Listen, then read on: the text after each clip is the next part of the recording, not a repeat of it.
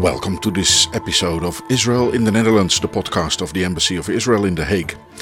My name is André Diepenbroek and I'm your host. Recently, we started a series on women in Israel on remarkable and crucial positions. In Dutch, we called it the Voorbeeldvrouwen series, the exemplary women. Now, I don't want to take it to Hollywood, but we could rightly call it the Wonder Woman series. Queen Esther, who bravely managed to turn the fate of her people from deep misery into great relief. Together with IDF Captain Valeria Plum Eliyahu, both women stood at the center in our first story in the series, in which we form couples of two women sharing in some way each other's fate. Queen Esther and Captain Valeria were each in a very different age, under very different circumstances, saving their people the queen by making a plea on their behalf to her husband, the king of Persia, the officer by carefully planning the aid of the army's home command to hospitals and medical centers and laboratories. The queen was saving her people from annihilation. The captain was saving the same people from a deadly virus. In this new episode, we turn to Deborah in the book of Judges of the Bible. She is a lady of many facets. She's a judge sitting under a palm tree, advising her people, but she's also a warrior and a prophetess. She became well known by her advice and aid to another judge, Barak, and together they delivered the Israelites from Canaanite oppression under the brutal Sisera. In a very different age, we find her counterpart in our times. We move from under the palm tree to cyberspace a technical world without any limits, also for criminals and other bad meaning people. There we find advocate Deborah Housen Couriel, also a judge, trying to protect people, companies, and government institutions with cybersecurity. Her name gives her away, but advocate Deborah Housen is inspired in many ways by the biblical figure of Judge Dvorah, as her name is in Hebrew.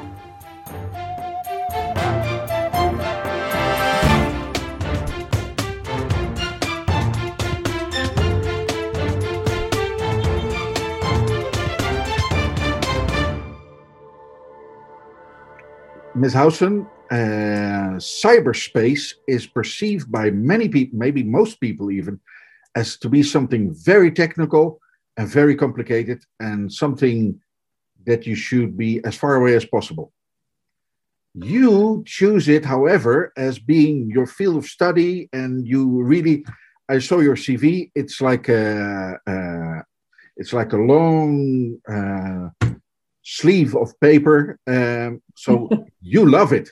How come? I do. I do love it, and and uh, I agree that from the outside, um, cyberspace and cybersecurity and all those buzzwords that we we hear so often uh, can be a, a little off-putting. Yeah. Uh, but my my approach um, to cyberspace is, and uh, for, forgive me for going here, is is is that it's like uh, I, I, have the approach of a plumber. Uh, okay. why do I have the approach of a plumber? So my uh, first professional introduction to cyberspace, way back before it was called cyberspace, was um, during my 13 years at Israel's Ministry of Communications. And in those years, which uh, in our earlier conversation you had referred to, the early 90s, they were really the years where all of the telecommunications uh, infrastructures uh, began to be put down for internet, for mobile telephony, for satellite communications, for undersea cables.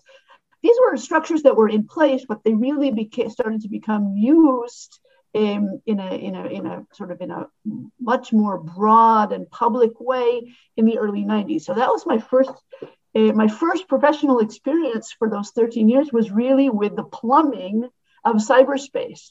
These are the uh, the ways that we all actually have access to cyberspace. So um, that's how I simplify things in my mind. I think about the pipes and the uh, um, wireless access that we have now, and that sort of allows me an easy way into thinking about uh, cyberspace. Yep, yep. Now, cyberspace changed um, we were just talking about the 90s. So, like the last, you know, 20, 25, 30 years changed like unbelievable.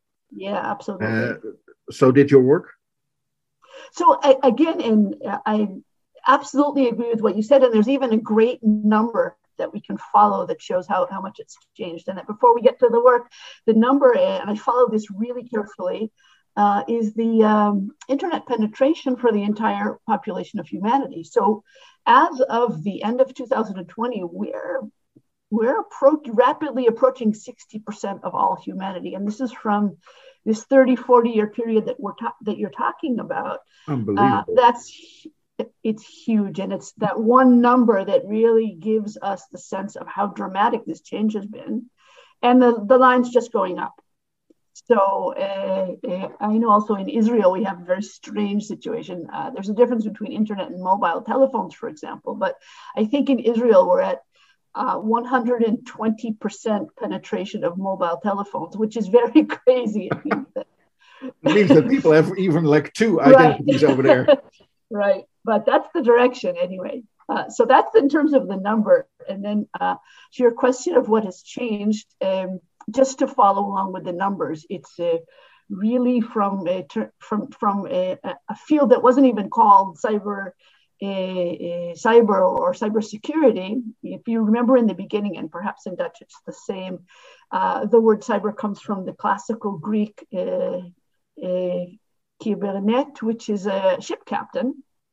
Um, and I may be mispronouncing my classical Greek, so I'll get a, a rap on my knuckles from my classical Greek teacher from university.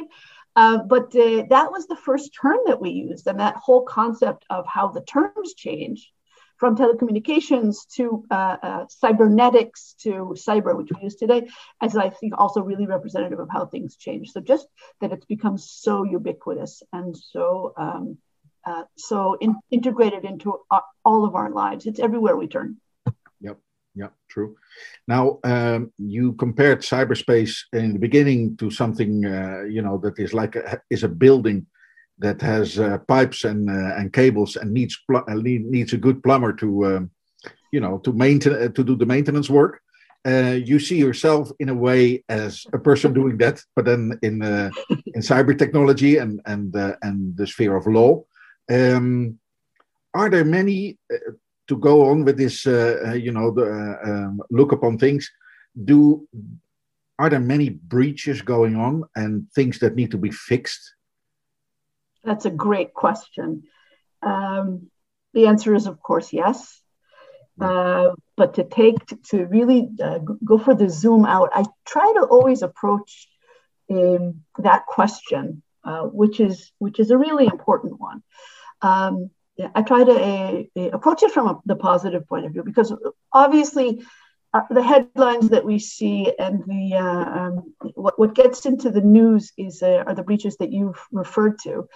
Um, and there's there's a lot to talk about in terms of the legality of uh, what those breaches um, or the legal context of those breaches, but there's so much more positive in development in terms of cyberspace and its use that I, I, just don't want don't want us to forget that before we get to the breaches we have to uh, i always try to remember um, telemedicine and uh, the benefits of education this very conversation that we can have uh, yep. which we're having right now through through cyberspace and which is going to be distributed through cyberspace um, human communication um, and, and the benefits and not to be naive about them but that they really are a lot the driving force for bringing that 60% of humanity into cyberspace is because of the benefits. Obviously, there are risks, there are challenges, there are dangers, which you're referred to, and we can talk a lot more about that. But um, I think that the first piece needs to be that we're in cyberspace because we want to be in cyberspace because of the various benefits that we all get. Makes our lives uh, easier, more interesting, uh, more connected in so many ways. True, true. Um, um, then Corona happened. Uh, right. the, the right. last year probably moved uh, even more people uh, into cyberspace because you know uh, we couldn't go anywhere. Uh, I mean, businesses uh, that weren't on the internet lost almost everything. They had to move to internet. Um, is how, how has the last year been in your field of work? How, how, how do you look back like to March 2000, uh, what was it, 20, when, when all of this happened? A different era, a different era. So your question comes at a perfect time. We just, um, uh, we've just had an uh, Israeli court decision, Supreme Court decision on, uh, did you get that? We just had an Israeli Supreme Court decision on the past week um, to, to uh, limit, as far as possible, the collection of health data uh, by our National Security Agency, uh, which it which had been uh, permitted, as I, I, believe in in many many other countries. I'm not sure what the situation is uh, in the Netherlands, but um, in terms of the motivation to just gather health data for um, public health reasons, for uh, public security reasons, uh, there was certainly an underlying reasoning to using cyberspace to gather very, very, very sensitive data about all of us. And I think that's what you mean when you talk about the COVID challenges. There, are, there are other COVID challenges, of course, but the digital challenges are, you know, the uh, extent to which we as private citizens are uh, willing to allow our governments to, to collect personal data and retain that personal data and to uh, process that personal data um, eh, under what circumstances and to what extent. So I completely agree. That's been a real challenge uh, in terms of the COVID. I'll talk in a minute about something that's a, a different challenge with respect to COVID, if that's okay. Yeah. Uh, but the, the legality of that uh, kind of collection of personal data is, is really tough. So the recent uh, Israeli court decision came out and said, um, we understand there's a need the need to collect this sort of data for public health reasons isn't isn't going away anytime soon, but it needs to be as restricted as possible and should only be done when absolutely necessary, which is, I think, the reasonable view. Um, and uh, each country decides where that line is going to be drawn and what the time frame is for the con- continuing gathering of this information. But there's no question that uh, the digital challenges of COVID have really brought to the fore the whole, all of the issues of privacy, which we can get to in a bit. Yep. Um, if I if I may go to a different sure. aspect of, of Corona, uh, that is, I think, a really uh, uh, we can really learn a lot of lessons from, and it's often overlooked. And that is that in, within cyberspace and using digital technologies uh, over the past year, as COVID has spread, uh, the underlying, again, we're getting back a little bit to the concept of uh, the underlying infrastructures. I won't go to plumbing, but the underlying infrastructure. think about, if we think about all of the, uh, the incredible amount of data being collected, not necessarily personal data or personalized data, but uh, health information that the uh, World Health Organization is collecting globally, that certain NGOs are collecting globally, uh, certain media outlets are collecting globally. Again, not personalized information, but data about the spread of COVID. This could not have happened with the rapidity and the accuracy that is being uh, that it's being uh, done at present um, 15 years ago or 20 years ago and that is a, I think a huge boon again to get to these these benefits there are inaccuracies, there are difficulties in verifying certain information, but we have a system. Yeah. Uh, and it's getting better in terms of gathering information about um, um, areas where there are spreads and where the different um, the variants of COVID are being spread, and that will that will serve us well. As, as difficult it is to gain this gain this experience from such a hard hard time, um, I don't think we should overlook the capacity, the global capacity for this kind of information gathering. Yep, yep. Now, uh, your field of study, uh, uh I, I, reckon from your uh, CV, is cybersecurity, privacy, and space law. Now, uh, it sounds really. Uh, comparing to that, my job is very and extremely boring and down to earth. but can, can you give us like a little insight in what your daily um, the daily things are that you're uh, dealing with? Sure sure. Um, and believe it or not i think all three of those topics have a lot in common. Okay. Um, the, i have the great privilege of being able to work at uh, at uh, three fields that are really rapidly developing and uh, to be at the uh, the forefront of the legal developments. Uh, and the, the, lawyers are always running after uh, technological and other kinds of developments in order to, uh, um, to, make sure that there's a legal regime that's applicable and that there's a, there are do's and don'ts that need to be applied so that it's not that none of these fields, data protection, cybersecurity, and, and outer space, are not left without governance. Yep. Uh, so what it, going back to what a typical day looks like, I'm not sure there is a typical day, which is which is so. I'm sure also uh, also uh, your reality. Um, uh, one of the driving factors, I think, for uh, any lawyer in the cyberspace is really the, the variety. So um, at Konfidas, which is the firm uh, which I have the privilege to work with and uh, for which I'm the legal advisor, uh, it's a leading Israeli cybersecurity firm um, the three things that we do and which are combined into every single day that we work are in uh, providing cybersecurity to uh, small, medium, and large businesses in Israel and elsewhere. Okay. Um, incident response. So even just today, we've had uh, we had a, an incident come in uh, where a Konfidas is called in to provide uh, to, to be the first responder, if you will, to a cyber breach. Let's get back to your early question about what goes wrong in cyberspace. Yep. So uh, we're on the boots on the ground, uh, really the firefighters to uh, take care of the um, to take care of breaches and to help companies deal with all the regulations that they need to deal with. So that's thing number two. And the third thing is that we spend a lot of time doing uh, cyber consulting and data protection consulting. So we do simulations for uh, um, for banks, for financial institutions, and walk through them through the paces of yeah. what a cyber event might look like. And frankly, that's that's that and the incident response are really where the learning takes place.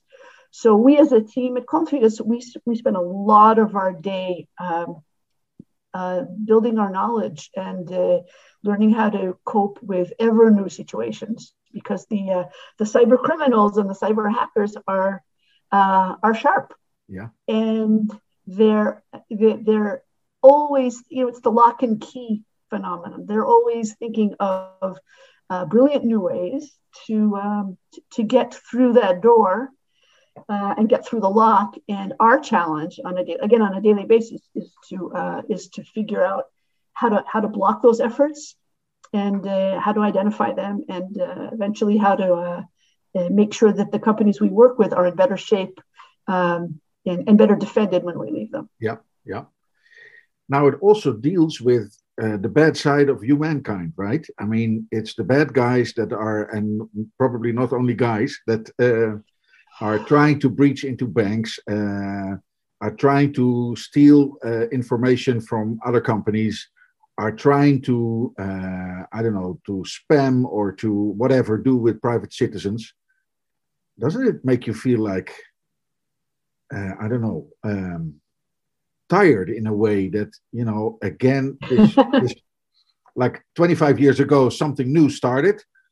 And what and here came uh, a truckload full of bad people that uh, try to to do whatever bad uh, to cyberspace and you're uh, one of the p- persons that have to clean to do the cleanup. Um, yeah. So not only the plumbing, but the cleanup, but the. Doesn't it make you feel like uh, that you're in a way kind of a cop, and sometimes cops are really, you know, fed up with with our dark sides? So, if I might answer that by taking a, another step back. Um, because we've been talking uh, right until and maybe this will get us a little bit in, into some of the legal aspects but we'll, we'll keep it light i promise. Uh, but if we take a step back we think that we need to think uh, that we're not only dealing with cyber criminals as private citizens and private people um, who are um, you know who have financial motivations.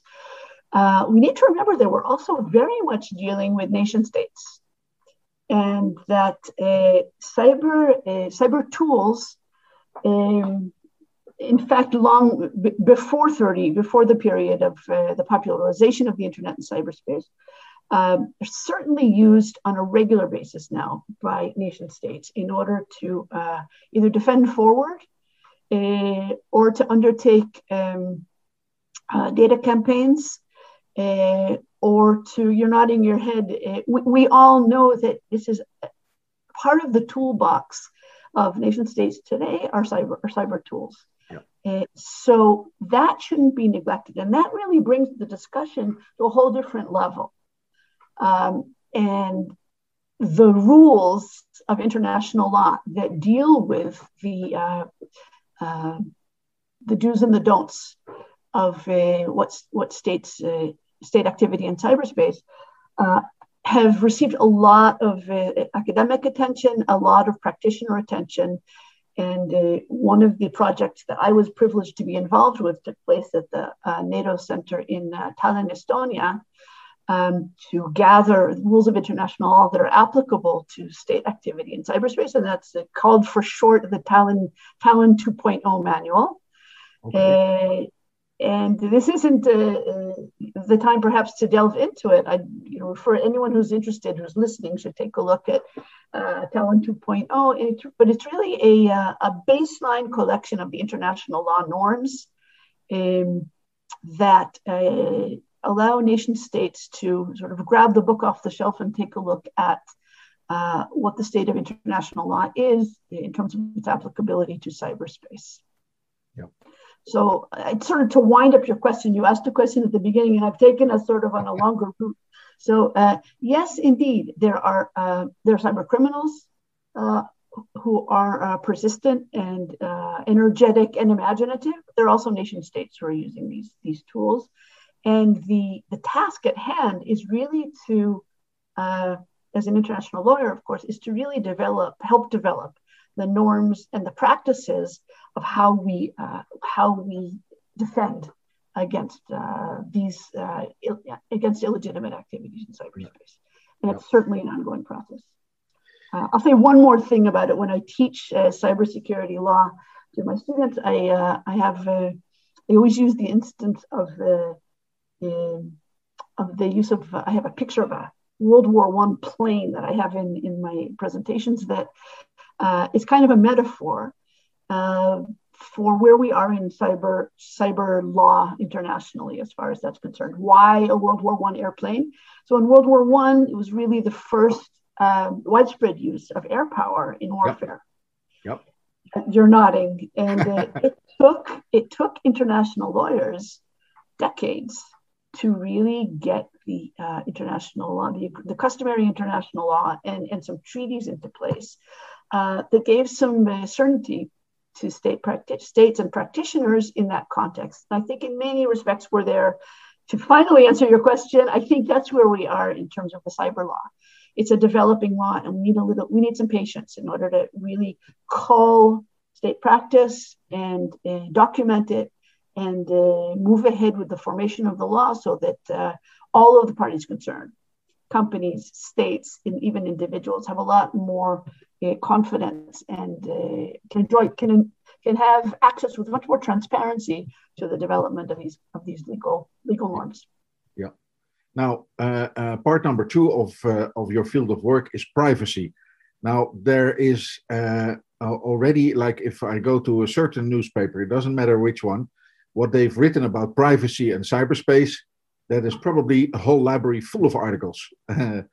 so uh, we are now dealing also in Corona times with privacy, you know, medical, uh, who is doing what with my medical uh, details, uh, who is taking it, and do they know that it's been taken, and who is they? Uh, I mean, um, so is there still anything like privacy in cyberspace, or are you skeptical about it?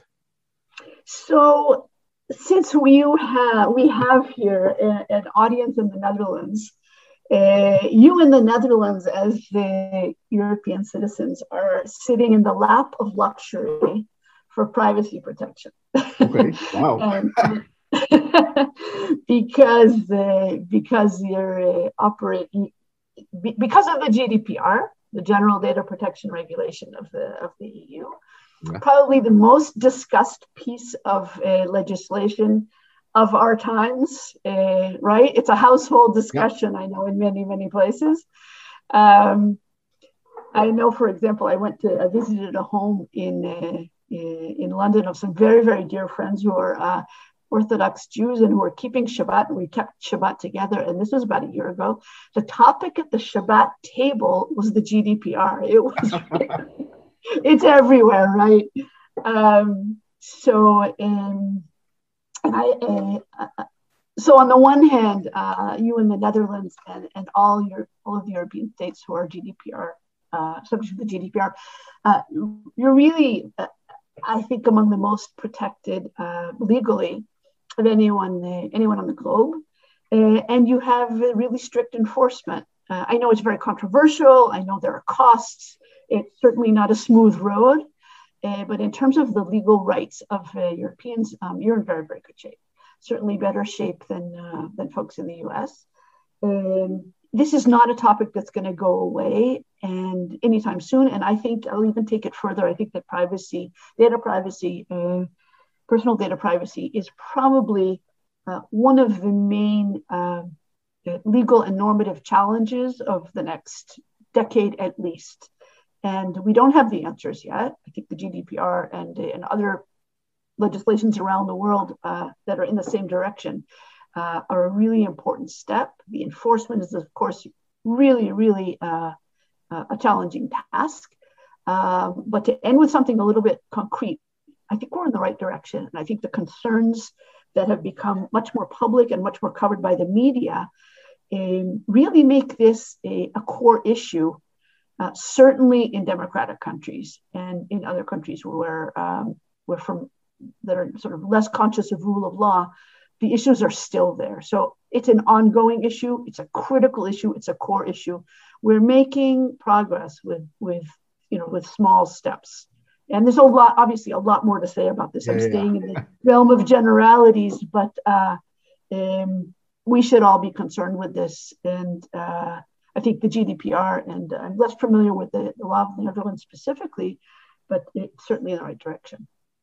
Good good i hope that i hope that's the beginning of an answer. Yeah yeah yeah. And uh, and it, it, uh, you know i will drive home uh, smiling tonight because we we are really achieving something uh, as far as i uh, can learn from you now uh, really achieving something which is actually good and important which touches right. upon everybody's lives really. Right right right now, your name is Deborah, uh, and that's you know that's the uh, the English version of Dvorah also. And then you created something, or was one of the creators of a forum by the name of Forum Dvorah.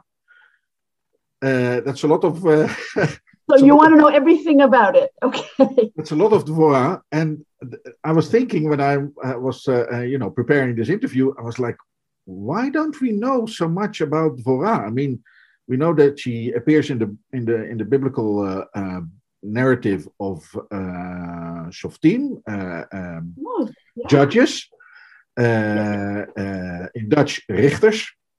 But uh, yeah, um, but she did never be, made it to the headlines actually of of ancient Jewish or Israelite history, which is maybe strange. I don't know.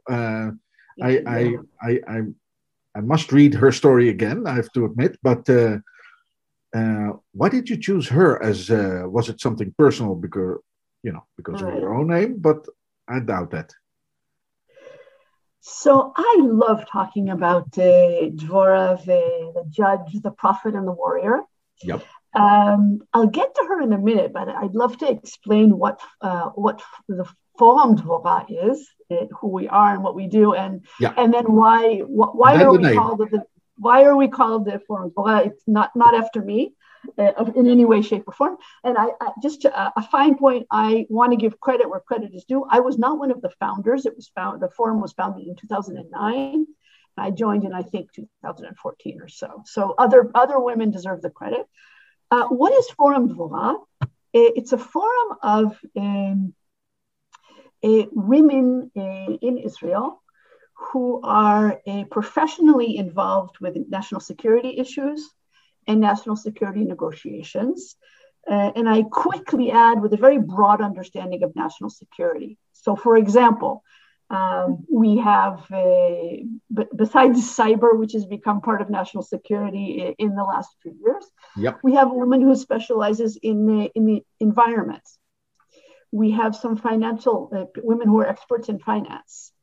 Uh, the understanding of what national security issues are is part and parcel of our understanding as, as Forum Dvora of how uh, women might approach national security issues a little bit differently, although not necessarily a gender issue. Uh, men can certainly approach national security issues the same way.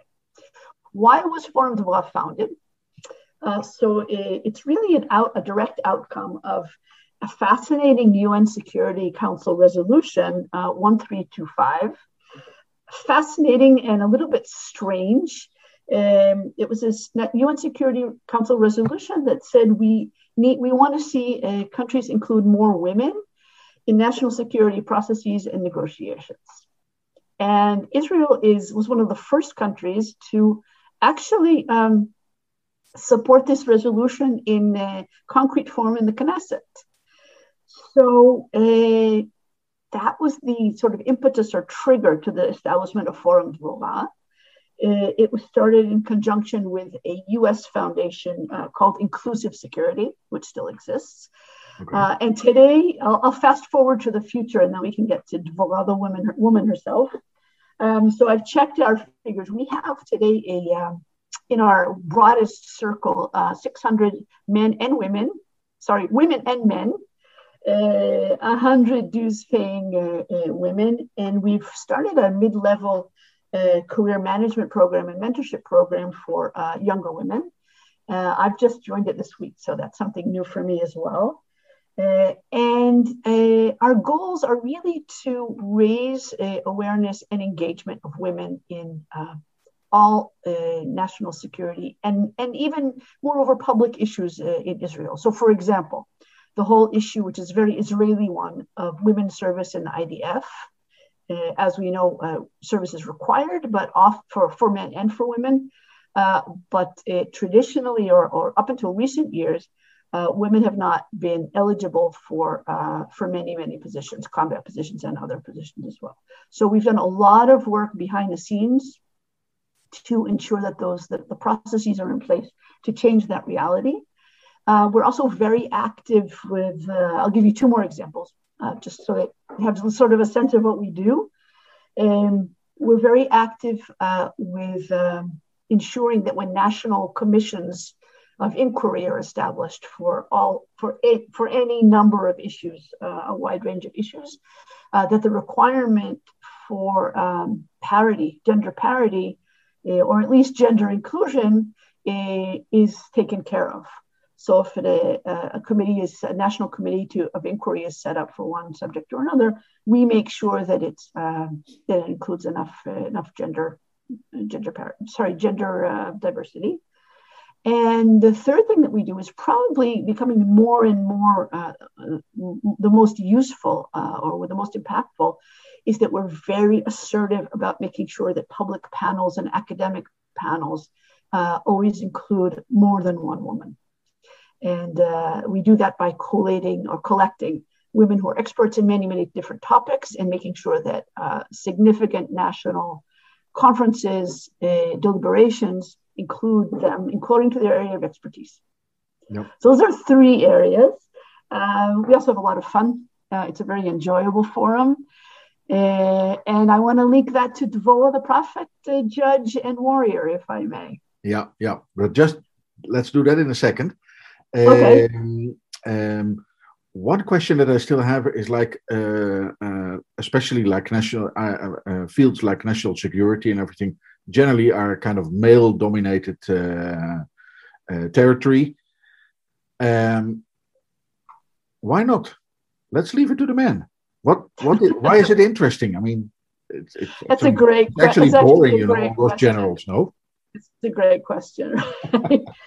um, I mean, it's nice to have, uh, you know, some of the women uh, giving it, you know, like more color and atmosphere, probably. But I mean, like, why is it? Um... It, it, goes to, I think, the, I think it's a great question. It goes to really the basis of what the different approaches. So, for example, what the example that I gave in the beginning, for example, uh, and this is not to disparage what has been done. National security is a is is, is a very serious issue.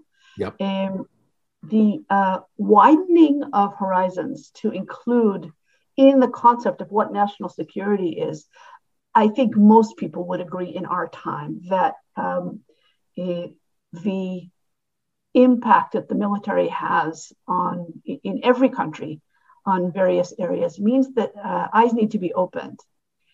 And uh, we fully expect that men would will do the same um, but the, the, the, approach of forum Devora is to simply widen the lens uh, to be more inclusive of perspectives and viewpoints and priorities and that can only be and this is also i will take this to cybersecurity in a, in a, in a moment um, it can only be for the overall benefit of the national security of any country to have more minds, more diversity of approaches, uh, more perspectives, uh, thinking about how we uh, boost national security in the environmental sphere in the financial sphere. I immediately take that to the cyber. This is really my my motto in cybersecurity. It's and this is it's very common to say that cybersecurity is a team sport and uh, and teams are made, uh, in my view, made best when they're the most diverse and contain the, mo- the uh, differences of abilities and capacities.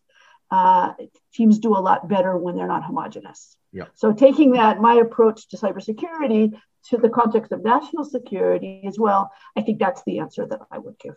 Um, yeah.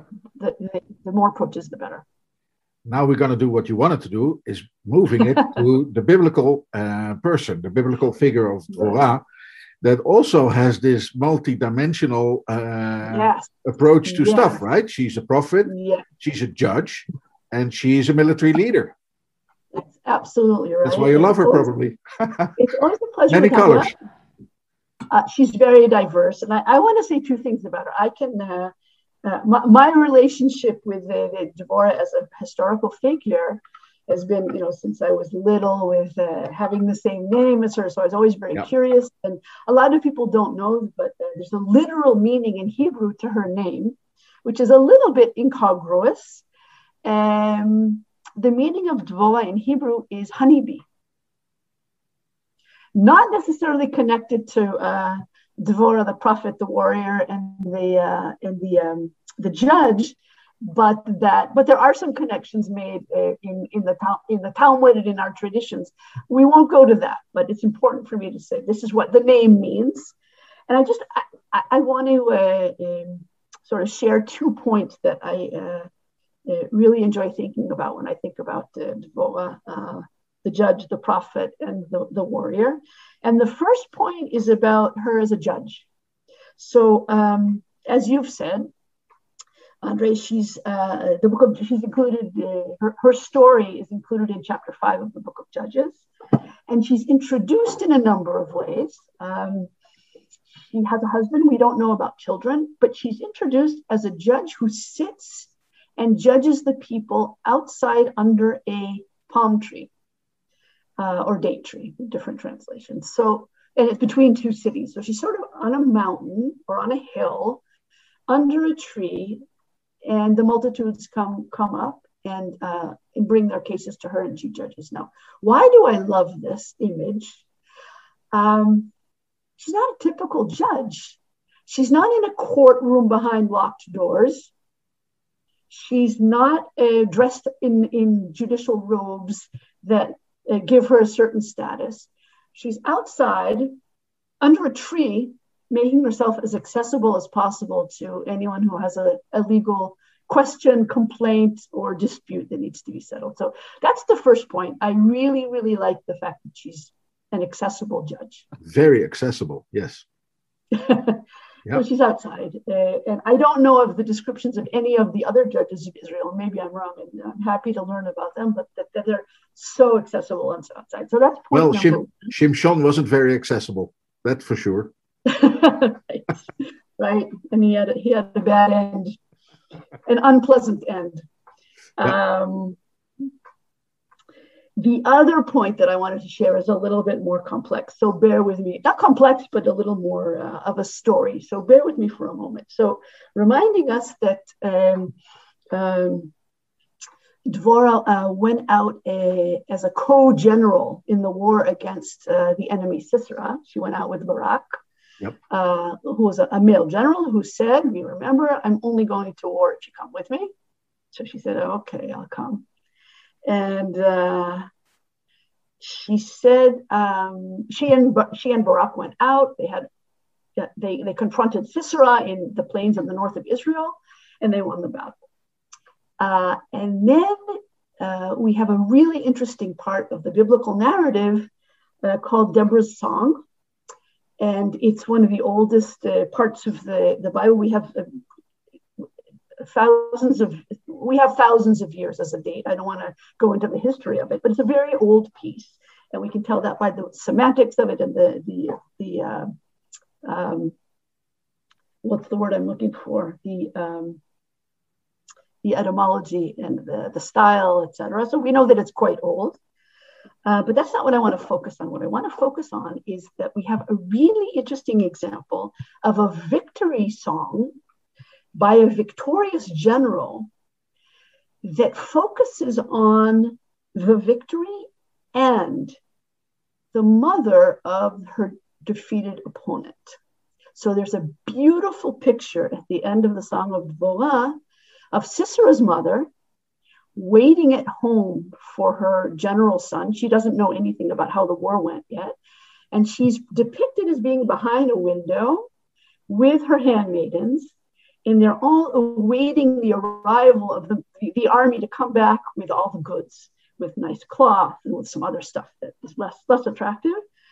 But that whole picture of the anxious mother of her enemy waiting at the window for her son to come back is something that really, really uh, is unusual and I think shows a kind of empathy of the warrior Deborah that we don't see anywhere else in the Bible. And it's, it's one picture that really, really, once you read it, really, really stays with you. There are uh, different ways to interpret the picture, but uh, I go with the empathy of the warrior. And I think that's one of the really interesting characteristics of Deborah as yeah. a warrior. She's thinking about what's going on the in, the, in the mind yeah. of her of the of her mother of the of the mother of her enemy. Yeah. So she was a judge. Uh, she was a, a warrior, as we just heard, and she was also a prophet. Is that something that you uh, find inspiring in her? I think the combination. Being like uh, being like active in a in a field of um, like technology, cyberspace, and everything that is so you know like novel and and um, uncharted and everything. You almost need a prophet over there. So Andrea, I'm gonna I'm gonna go with the prophecy, and you're allowing me to go back to what I wanted to say about cybersecurity. So if Deborah the prophet were with us, or as the prophecy of where we're going with the with the whole um, with the challenges of cyberspace today, if if you'll allow me, yep. is that okay? Yeah, sure. So I wanted to say two things in terms of if if I were to prophesy, and um, I don't have the gift of prophecy, but um, I think there are two things that I would, uh, I, I, I, well, two things that keep me up at night. Let me put it that way, in terms of where we're going with the future of uh, of cybersecurity. Uh, and the first one has three parts. It's data, data, and data. Those are the three parts. So I've talked about that a little bit beforehand, but I really, uh, I am really troubled, concerned uh, with what the relationship between human beings and the incredible amounts of data that we're producing, personal data and other data uh, at the present time. Uh, we're running out of numbers to describe uh, the quantities of data and the quality of data that we're producing. And I think we don't have, we haven't yet begun to, uh, to, to, to think um, what we want the relationship, that relationship to be. So is data a uh, part of our identity? Is data a relationship with a machine? Is data a weapon? Is data a vulnerability? Is data something we own? is data something that others own about that, that has to do with us? We just don't know yet. We haven't really engaged with those questions. And uh, given the fact that uh, quantities of data are increasing so much, and again, I don't necessarily, I don't mean only personal data, uh, all the data around us. I think that is a, a, a, huge challenge. And if I were to prophesy, I would say that that's going to be a topic that's going to engage humanity well into the coming decades. And the second point that I would bring to sort of circle back is uh, is the opposite of the data issue, the data topic, and that is the the top the, the issue of human beings. So we have to remember that in cyberspace, with all of the technologies that we have, with all of the we can use go back to the plumbing metaphor, with all of the great plumbing that we have right now, and the incredible uh, advantages that we enjoy uh, through cyberspace. Uh, it's really important, I think, to uh, to take a, a, a, look with a new perspective about the human beings on both sides of the cyber connection. And it's very easy for us to forget that when our communications go through uh, cyberspace and are changed, altered, uh, subject to being uh, stolen or altered or distorted, um, to really refocus our attention on human beings and, and figure out how we ensure that um, social communications, interpersonal communications, really retain our humanity. And I think we're, we're walking a thin line right now. And uh, if I were to jump forward to 10, 15, 20 years, I would really like to see that we've given a lot of attention to that issue and how we, we keep ourselves as humans uh, part of the uh, part of that cyber connection on both ends.